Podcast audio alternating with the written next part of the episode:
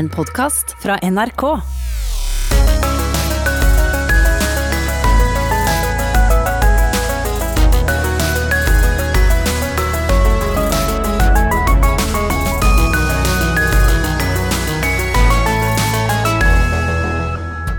Han ene har ansvaret for folkehelsa i den største krisa siden krigen. Han andre tar ansvar for folkehelsa ved å lokke folk ut på tur. Turkameratene følger hverandre også på livsvegen. Helseminister Bent Høie og Turistforeningens leder Dag Terje Klarp Solvang er dagens gjester i campingstolen.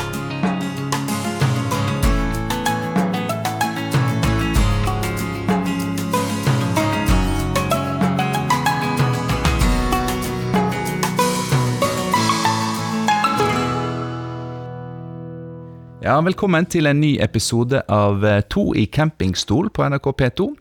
Og jeg må jo si det er et slags eh, paradoks at når jeg for første gang på denne reisa med campingstolene har havna på et kontor i storbyen, attpåtil med temaet folkehelse og naturopplevelser. Jeg er i Den norske turistforening sine lokaler på Youngstorget i Oslo med generalsekretæren Dag Terje Klarp Solvang og helseminister Bent Høie. Velkommen til bords, karer. Tusen takk. Hvor ville dere helst at vi skulle ha møttes hvis vi ikke skulle sitte innendørs i byen? Altså Nå er vi jo i Oslo, så kanskje et eller annet sted litt nært her. da. Det er jo, vi hadde jo en fantastisk tur i går på vei opp mot Oppkuven. Grensen mellom Nordmarka og Eiksmarka. Det er jo fint. Du kan ikke snakke litt varmt om Rogaland, kanskje? ja. Nei, jeg ville jo helst vært, uh, vært hjemme i Rogaland. Gjerne i Bjerkremsheiene. Den andre plassen vi går sammen veldig mye. Du er ferdig med å gå på Preikstolen? Der alle ja, har altså Preikstolen blir det ofte én tur i året. Det er i forbindelse med at vi har besøk. Eh, da, vi, da, er det jo sånn at kommer man på besøk til, til, til, Rogaland, så er det jo ofte sånn at en har lyst til å ta en tur på Preikestolen. Så i fjor så var vi der oppe, og da hadde vi Erna med oss og Sindre med oss på besøk. Så det var en veldig fin tur. Mm. Dag Terje, at eh, helseministeren har hatt eh, travle dager, det er det vel ingen i dette landet som tviler på. Men hvordan har dette sett ut fra lederposisjonen i Den norske turistforeningen? Ja, nei, det er jo, DNT består jo av 57 medlemsforeninger over det ganske land, og alle ble jo rammet tilsvarende hardt i 12.3, hvor vi ble stengt ned, eller vi måtte stenge ned. Eh, vi sto foran en påske som er kjempeviktig for oss, eh, og masse usikkerhet når vi nå skulle stenge ned hele tilbudet vårt og ikke kunne ta imot en eneste gjest. Så de ukene etter vi ble stengt ned, og frem til vi nå eh, begynte så smått å åpne igjen tidlig i mai, har vært preget av enormt mye arbeid. Og det gode da er jo at begge to, sånn for oss to som går på livsveien sammen. Det var et fint bilde. Så, eller livsstien, som vi kanskje skal si i DNT-sammenheng. Det har jo vært at vi har jobba ganske mye begge to. Sjøl om uh, pushet er nok litt ulikt. Jeg skal ikke påta meg uh, liksom å si at jeg har hatt det samme pushet som uh, Det er ikke nasjonen som har stått bak meg. Det er noen medlemmer og veldig mange foreninger. mm. Bent Høie, når du har hatt ansvaret for iallfall den medisinskfaglige delen av nedstenginga av Norge, har du fått hva skal jeg si, liksom realistisk innblikk i konsekvensene dette har fått i samfunnet via din gode venn og partner? Ja, det har jeg jo. Uh, og det har jeg jo fra dag én, egentlig, etter 12. mars. Det var jo, Jeg kunne ikke si noe til Dag Terje på forhånd den morgenen, men når vi møttes etterpå, så så fikk jeg jo direkte innblikk i hvor alvorlig dette slår ut for, for, for, Turistforeningen, og selvfølgelig òg for veldig mange andre. Men det å se på nært hold gjennom Dag Terje hvor, hvor, tøft det er for de som blir ramma òg av tiltakene, det har jeg jo da fått sett, ja. Vi skal komme litt tilbake til eh, nedstenging og gjenåpning av Norge. Men eh, Dag Terje, vi må jo rett og slett eh, feire at det i år er 200 år siden den såkalte oppdaginga av Jotunheimen. Ekspedisjonen som da blir eh, omtalt som oppdaginga i 1820. Er ikke det et paradoks at det skulle ta 200 år om lag før nordmenn flest oppdaga fjellmassivet for alvor? jo, det er veldig mange som har oppdaget uh, naturen uh, igjen i år. Og veldig mange nye ute i norsk natur også.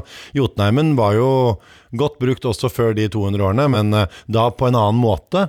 Eh, et nærområde for de som bodde i nærheten av det, en beitemark og et jaktområde. Eh, og det er kanskje den nærområdeoppdagelsen som denne perioden vi nå har vært igjennom, og, og fortsatt til dels er i, har liksom åpnet døren for oss, tror jeg, i større grad. Hvor utrolig fint vi har det nært oss, og hvor viktig natur og friluftsliv er når ting røyner litt på. Du får sortert godt når du er ute i naturen. Det er viktig for oss. Og det, det tror jeg denne perioden Jotunheimen er kjempeviktig i mange fine fjellområder, men kanskje vel så viktig det nære, altså. Rett utenfor Studølen. Ja, og jeg er så heldig at jeg har eh, Marka i Oslo rett utenfor min stovedør.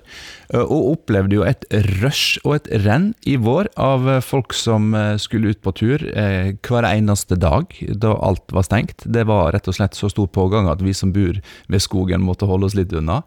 Da lurer jeg på, Bent Høie, hvis vi ser bort ifra hva skal vi si, de, de eh, dødelige følgene som koronaepidemien eh, har, og de skadene som viruset gjør. Hvis vi isolerer det, kan vi si at eh, koronakrisa er det beste som har skjedd norsk folkehelse på veldig lenge?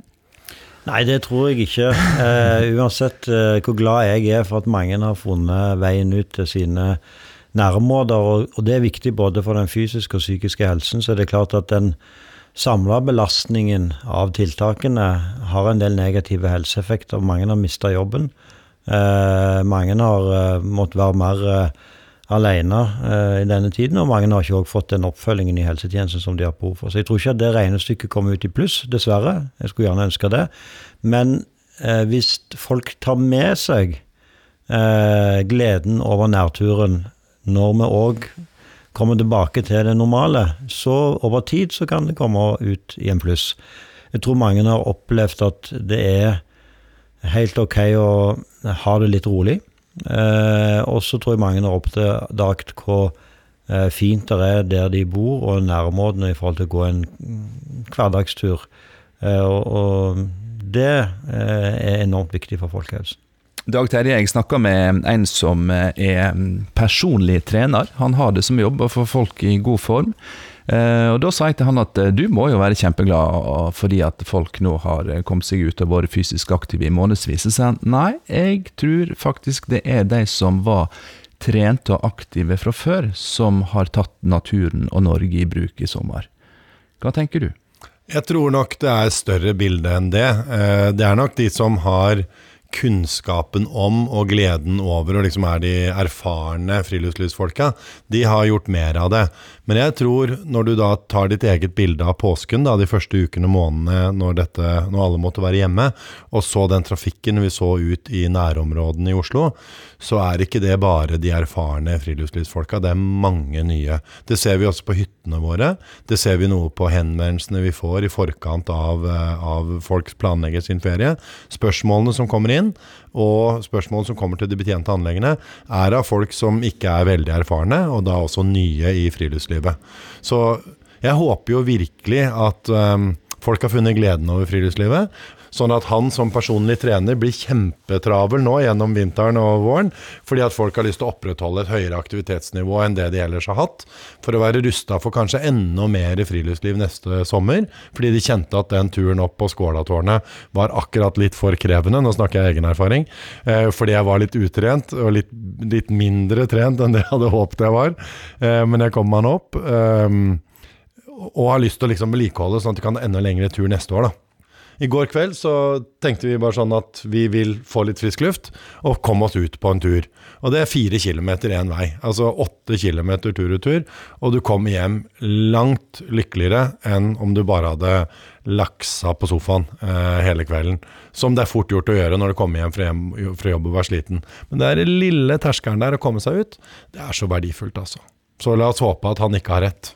Jeg lærte da barna var små at uh, tur med barn måles ikke i meter, men i minutt. Er det en god regel for voksne òg? Veldig god. Jeg pleier å si du må legge ambisjonene i størrelsesorden beinlengden. Sånn at hvis du er en veldig ambisiøs foreldre og tar med seg veldig små barn på lange turer, så tar du kanskje noe av gleden som du egentlig har lyst til å gi dem, da. Du hører på sommerserien To i campingstol på NRK P2. I dag med helseminister Bent Høie og generalsekretær i Den norske turistforeningen, Dag Terje Klarp Solvang.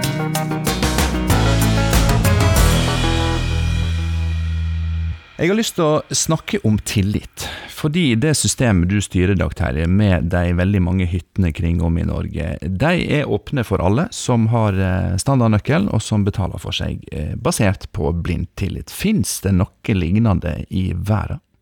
Nei, eh, det gjør det ikke. Det er et norsk system som vi er enormt stolte av, og som vi prøver å ivareta som best vi bare kan.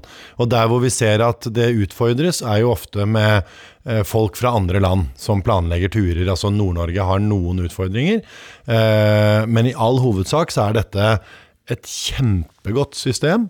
Men det morsomme er jo at inspirasjonen kommer fra England. Det var jo Klaus Hellberg på vei til London, eller i London i etterkrigstiden, hvor han så avisguttene som bare la, avisen, la, la fra seg hatten og stolte på kundene eh, når de skulle på do eller kjøpe seg noe å spise. Eh, og så tenkte han hvis dette funker på gata i London, ja da funker det i fjellet i Norge også. Og vips så var da selv- og ubetjentsystemet vårt født. Blind tillit, og det funker, er verdifullt. Det er jo ikke alt av tillit som eh, funker, dessverre, helseminister Høie. Um, tilliten uh, har blitt brutt for kort tid siden. Vi snakker om Hurtigruten, og vi snakker om smitte om bord som ikke blir varsla slik det skulle. Var du egentlig så overraska over at noe sånt kunne skje? Ja, det var jeg veldig overraska over, fordi vi har jo et, eh, en tenkning i Norge som baserer seg på nettopp at vi har tillit til at alle eh, ønsker å bidra til at denne smitten ikke sprer seg, og spesielt et ansvarlig selskap som òg er avhengig av kundene sine tillit. Eh, og Så gjenstår det å finne ut hva var det som eh, svikta, men eh, tilliten til det selskapet har jo blitt svekka, og de har jo en stor jobb å gjøre når vi gjenoppretter den tilliten. Men jeg tror ikke vi kan legge til grunn at uh, fordi om at det svikta i Hurtigruten, så kan vi ikke lenger ha tillit til at uh, det norske næringslivet eller det norske samfunnet ikke kan ta et sånt ansvar uh, framover. Det har jeg. Jeg har en grunnleggende tro på at folk ønsker å bidra, både selskaper og organisasjoner og enkeltmennesker, til at smitten ikke sprer seg. Og Så kan alle gjøre feil, og nå snakker vi mer om vi som enkeltmennesker. og Derfor har jeg òg vært opptatt av at vi ikke skal påføre hverandre skam eh, hvis vi blir smitta. Eh, fordi det kan vi alle være uheldige å oppleve, eller vi kan eh, alle gjøre noen eh, dumme valg, eller vi kan ha ulike grunner til at vi gjør ting som øker risikoen for smitte. En ting er den skammen vi kan føle eh, dersom vi blir koronasmitta, men jeg tenker på de som driver næringsvirksomhet, og som har vært ekstremt økonomisk pressa nå i mange måneder er ikke det nødvendigvis en fare for at en i, i jakta på rask profitt eh, kutter noen svinger og kanskje eh, lar være å informere, slik som vi har sett eksempel på? Ja, Det kan selvfølgelig skje, men jeg tror ikke det er det som er tenkningen de aller fleste steder. Jeg tror de aller fleste tenker at eh, den våren som har vært igjennom, den har vært ekstremt tøff, og mange er opptatt av å unngå å komme der og vi har jo mange venner som jobber i hotell- og reiselivsnæringen, eh, fordi vi begge har bakgrunn derfra. og eh, er jo, De var jo nå de som ble tøffest ramma av tiltakene som når det gjaldt næringsvirksomhet. Og de er jo òg de som er eh, oftest til meg veldig takknemlige for måten som vi håndterte det på, selv om de ble ramma av tiltakene. Nettopp fordi at det har gjort at de har fått en sommer som har gjort at de har kunnet dreve mer som normalt. Og mange av de er veldig nervøse nå for høsten og redd for at det skal bli innstramminger igjen, og er ekstremt opptatt av eh, at vi må holde smitten under kontroll. Så, så er det jo sånn at eh, eh, selv om det er den generelle situasjonen, så vil det kunne være enkeltaktører som, som eh, gjør feil, og, og som òg bevisst uh, prøver å ta korte veier, men da vil jo det forhåpentligvis bli oppdaga og slått ned på. Dag Terje, hva konsekvenser får det når en aktør i reiselivsnæringa eh, gjør ei slik blemme som eh, det Hurtigruta har gjort? Jeg tror vi alle blir eh, litt sånn eh, Altså Vi blir litt lamslått over at det går an øh, å gjøre det. Og så er det jo at vi blir livredde for den umiddelbare framtiden. Vi i DNT er veldig avhengig av å ha en god høst. Vi er veldig avhengig av å ha godt besøk på hyttene våre nå i løpet av høsten for at vi skal få en, en sesong som går noenlunde opp. Og hvis det da er noen som gjør ting, bevisst ubevisst, som forårsaker at smitten blomstrer opp igjen, og at vi må gå til nye nedstengninger, det ville vært veldig krevende å stå i nå. Så jeg tror en samla reiselivsnæring er opptatt av at nå må vi Dugnaden er ikke over. Dugnaden, vi er midt i dugnaden, og alle må gjøre sitt nå for at dette skal uh, gå så, så, bra som mulig.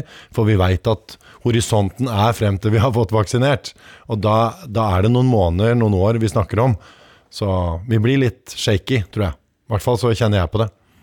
Bent Høie, hvis smitten tar seg opp igjen i Norge, vi har sett eksempel på såkalt lokale utbrudd, og det kan det jo bli flere av eh, når ferien er over.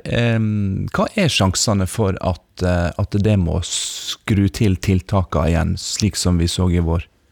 Altså det, det, det kommer til å flere lokale utbrudd. Eh, det er en konsekvens av at vi har eh, åpna opp samfunnet vårt mer. At eh, vi har et like smittsomt virus i samfunnet vårt.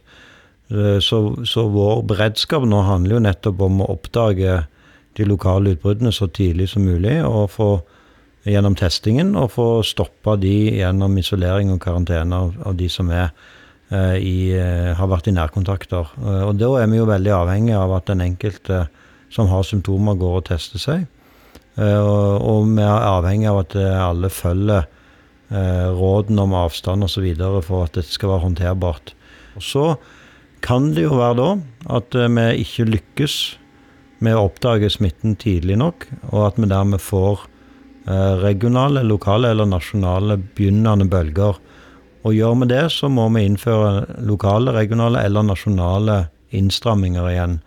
Eh, og det har vi jo en plan for. Eh, og eh, til mer alvorlige situasjoner, til strengere er tiltakene. Og det betyr at i en gitt situasjon så vil det kunne bli enda strengere enn det som vi hadde i, i mars.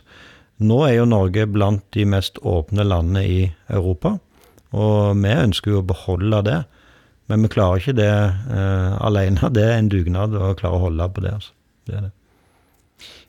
Dag Terje sier at horisonten er til vi har ei vaksine på plass. Uh, hva er perspektivet sett fra din stol, Bent? Ja, det er jo sånn at uh, de tiltakene vi har nå, og andre eventuelt tiltak for å redusere nærkontakt, er vi avhengig av helt til vi har fått en vaksine og fått vaksinert store deler av befolkningen. Uh, og der er jo et sånn best case-scenario er jo at vi får en godkjent vaksine før jul. Uh, og at den vaksinen kommer opp i en produksjon som gjør at den blir tilgjengelig for oss første halvår 2021. Så det er en best case-scenario. Uh, og worst case-scenario er selvfølgelig at vi ikke lykkes. Altså Det er jo en garanti for at vi får en vaksine. og så finnes jo da mellomtingene der med at det tar lengre tid, og at det vil være utfordringer med produksjon osv. Så, det er det som vi vet eh, akkurat nå. Det er stortingsvalg om eh, ett år og eh, en drøy måned. Planlegger dere nå i, i regjeringa og i Høyre med at dere skal stå i valgkampen i ei pågående pandemikrise? Det er jo en sannsynlighet for at valgkampen eh, i 2021 må gjennomføres med, eh, med tiltak som reduserer risikoen for smitte. Eh, med regler om f.eks. minst én meters avstand og, og, og, eh, og, det å redusere, ikke ha store eh, folkemengder samla osv. Men det er jo fullt mulig. Det er fullt mulig å gjennomføre en valgkamp og et godt valg med den type tiltak. Men det er selvfølgelig mye vanskeligere hvis vi har en mer alvorlig situasjon og større deler av samfunnet er nedstengt. Jeg har bodd en del på hotell i sommer, um, og jeg har merka meg at uh, mange har uh, relativt stor respekt for uh, smitteverntiltak. Folk er veldig flinke til å bruke håndsprit og dels holde avstand. Men når det kommer til frokostsalen, da er det det komplette kaos. Da tenker ikke folk på avstanden, for de skal raskest mulig til speileiga eller til kaffen, og alle bruker det samme bestikket. Er ikke det en stor sjanse for at når folk kommer hjem fra ferie etter å ha vært på hotell f.eks. og stått i frokostkø, at, at, dette kommer til å blomstre kraftig opp? Dag Terje? Altså, vi var jo veldig glad for at forbudet mot buffé ble eh, hevet, fordi det gjør det jo krevende bl.a. å gjennomføre frokost. Men det er jo ikke sånn at frokosten er i ei boble i seg sjøl. Så vi som aktører må jo sørge for å opprettholde smittevernet også under frokosten.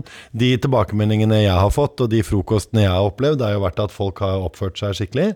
Eh, men nå har jeg faktisk ikke bodd på hotell eh, eller spist frokost siden Jeg har spist frokost, men ikke på sånn eh, siden forbudet ble opphevet. For når vi var på Sotaseter, så, jo, så oppførte de seg jo som om forbudet var der. Så det var en veldig smittevennlig frokost. Eh, Samme på Eidsfjord hotell òg. ja, og på Eidfjord hotell var det sånn. Og, så jeg, jeg har liksom ikke, jeg har ikke helt opplevd de situasjonene. Jeg har ikke fått de tilbakemeldingene egentlig, men jeg håper jo virkelig at, eh, at folk tenker at denne dugnaden er ikke over, og denne dugnaden må vi alle bidra på, for ellers er det ikke dugnad. Da er det bare noen få som jobber, og det er det motsatte av dugnad. Når du snakker med dine ansatte for å holde motet deres oppe, hva perspektiv gir du dem da? Jeg antar at de lytter nøye på eh, det samboeren til helseministeren har å fortelle. Vi har veldig, veldig ofte eh, møter. Eh, nå har det vært litt roligere i sommer, for nå er det veldig travelt på anleggene våre. Uh, og vi har prøvd å avvikle litt ferie også, men vi har veldig hyppige møter med alle bestyrerne og alle driverne eller daglige lederne i medlemsforeningene. Men å gi noen eh, utsikter utover det som kommer fra nasjonale myndigheter, det er veldig vanskelig. Så det vi sier nå, er at det, det viktigste perspektivet vårt var å få åpne før sommeren, og det fikk vi til. Og så er det å klare en drift som gjør at vi ikke kommer i noen kjipe situasjoner. Det har vi klart. Bank i bordet. Det er fortsatt bare 5. august. Vi skal ha en god høst. Men for hver eneste dag, for hver eneste uke vi klarer å ha gjester på anleggene våre, og folk som går i fjellet, som holder seg friske, og som får muligheten til å opprettholde et godt smittevern, så har vi på en måte vunnet. Og jeg tror det er det perspektivet vi skal ha. Vi må ta én dag om gangen, og håpe nå at hvis vi gjør vår jobb som DNT, med alle våre anlegg og alle våre kilometer merka sti, og alle våre medlemmer og folk som går ut på tur Hvis alle tenker sånn, så klarer vi det. Men å si at neste sommer blir tilbake til normalen, eller Det tør ikke jeg å Altså, man blir så skuffa. Man blir så skuffa. Altså man må bare tenke at for hver dag nå så vi klarer det, så klar, tar du én, så tar du to. Skuffa var et bra stikkord til helseministeren. Har du blitt skuffa i løpet av denne tida, Bent Høie?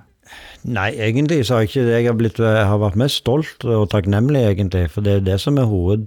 Altså, vi må ikke glemme at hovedsituasjonen eh, er at eh, den norske befolkningen har klart noe som eh, veldig få har klart, nemlig at vi gikk fra en situasjon i begynnelsen av mars der Norge var på fjerdeplass internasjonalt i smitte, til å ta kontrollen og eh, beholde kontrollen over ganske lang tid. Eh, og det er en enorm innsats som er lagt ned eh, av folk flest. Eh, mange har ofra mye for at vi skulle få den kontrollen, og det har gjort en enorm jobb i helsetjenesten eh, for å kunne gi folk hjelp i krevende tid. Så så, så, skuffelse er liksom ikke det som Du skal grave ganske langt ned i, i registeret for å komme til den følelsen hos meg akkurat nå, selv om jeg selvfølgelig var skuffa over det som skjedde med Hurtigruta. Men det er, jo, det er jo ikke det som er hovedsituasjonen i Norge. Tvert imot. Sommeren og utfordringene den byr på er ikke helt over for de to eh, travle karene Bent og Dag Terje, men de trenger jo også sommerro.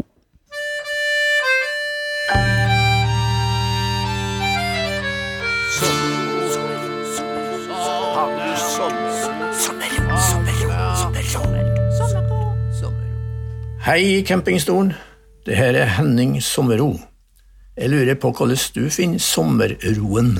Vil dere svare sammen, eller hva for seg? Ja, ja, dere er jo to individ, så være grenser. Bent sin levesetning er sånn at eh, hvis du av livet Hvis du først gifter deg fordi du er blitt forelska, og så bruker du resten av livet på å forandre den du, den du skal gifte deg med, det er veldig dum idé.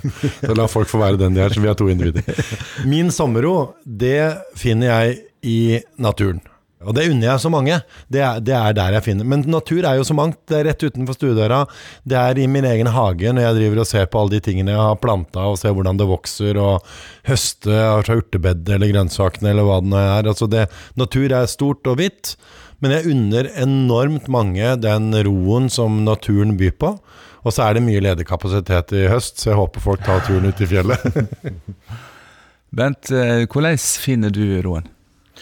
Jeg synes at Sommerroen eh, for meg det er når eh, vi kan stå opp om morgenen og hoppe rett i shortsen og eh, spise frokost ute, og det er liksom godt, god temperatur, og reiseradioen er på i bakgrunnen. Da er, da er det sommerro. Så du trenger ikke opp på en uh, Tindetopp? Jo, det er òg en del av det, men hvis jeg liksom tenker som uavhengig av uh, situasjonen, liksom det å kjenne på den der nå er det sommerro og ferie, så er det akkurat den der frokosten ute med reiseradioen i bakgrunnen. Det er en eh, helt egen følelse.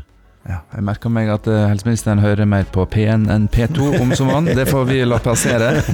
det får være greit. Jeg sier takk til dere begge to, og eh, så får vi se hvordan det går til høsten, da. Så vet vi at DNT-hyttene rommer flere, hvis de i det hele tatt er åpne. Dagens episode av To i campingstol runder av her ifra DNT sitt hovedkvarter i Oslo. Teknisk ansvarlig var Lars-Erik Etskå. Ringen, Håkon Haugsbø, programleder, takker for følget og sier på gjenhør.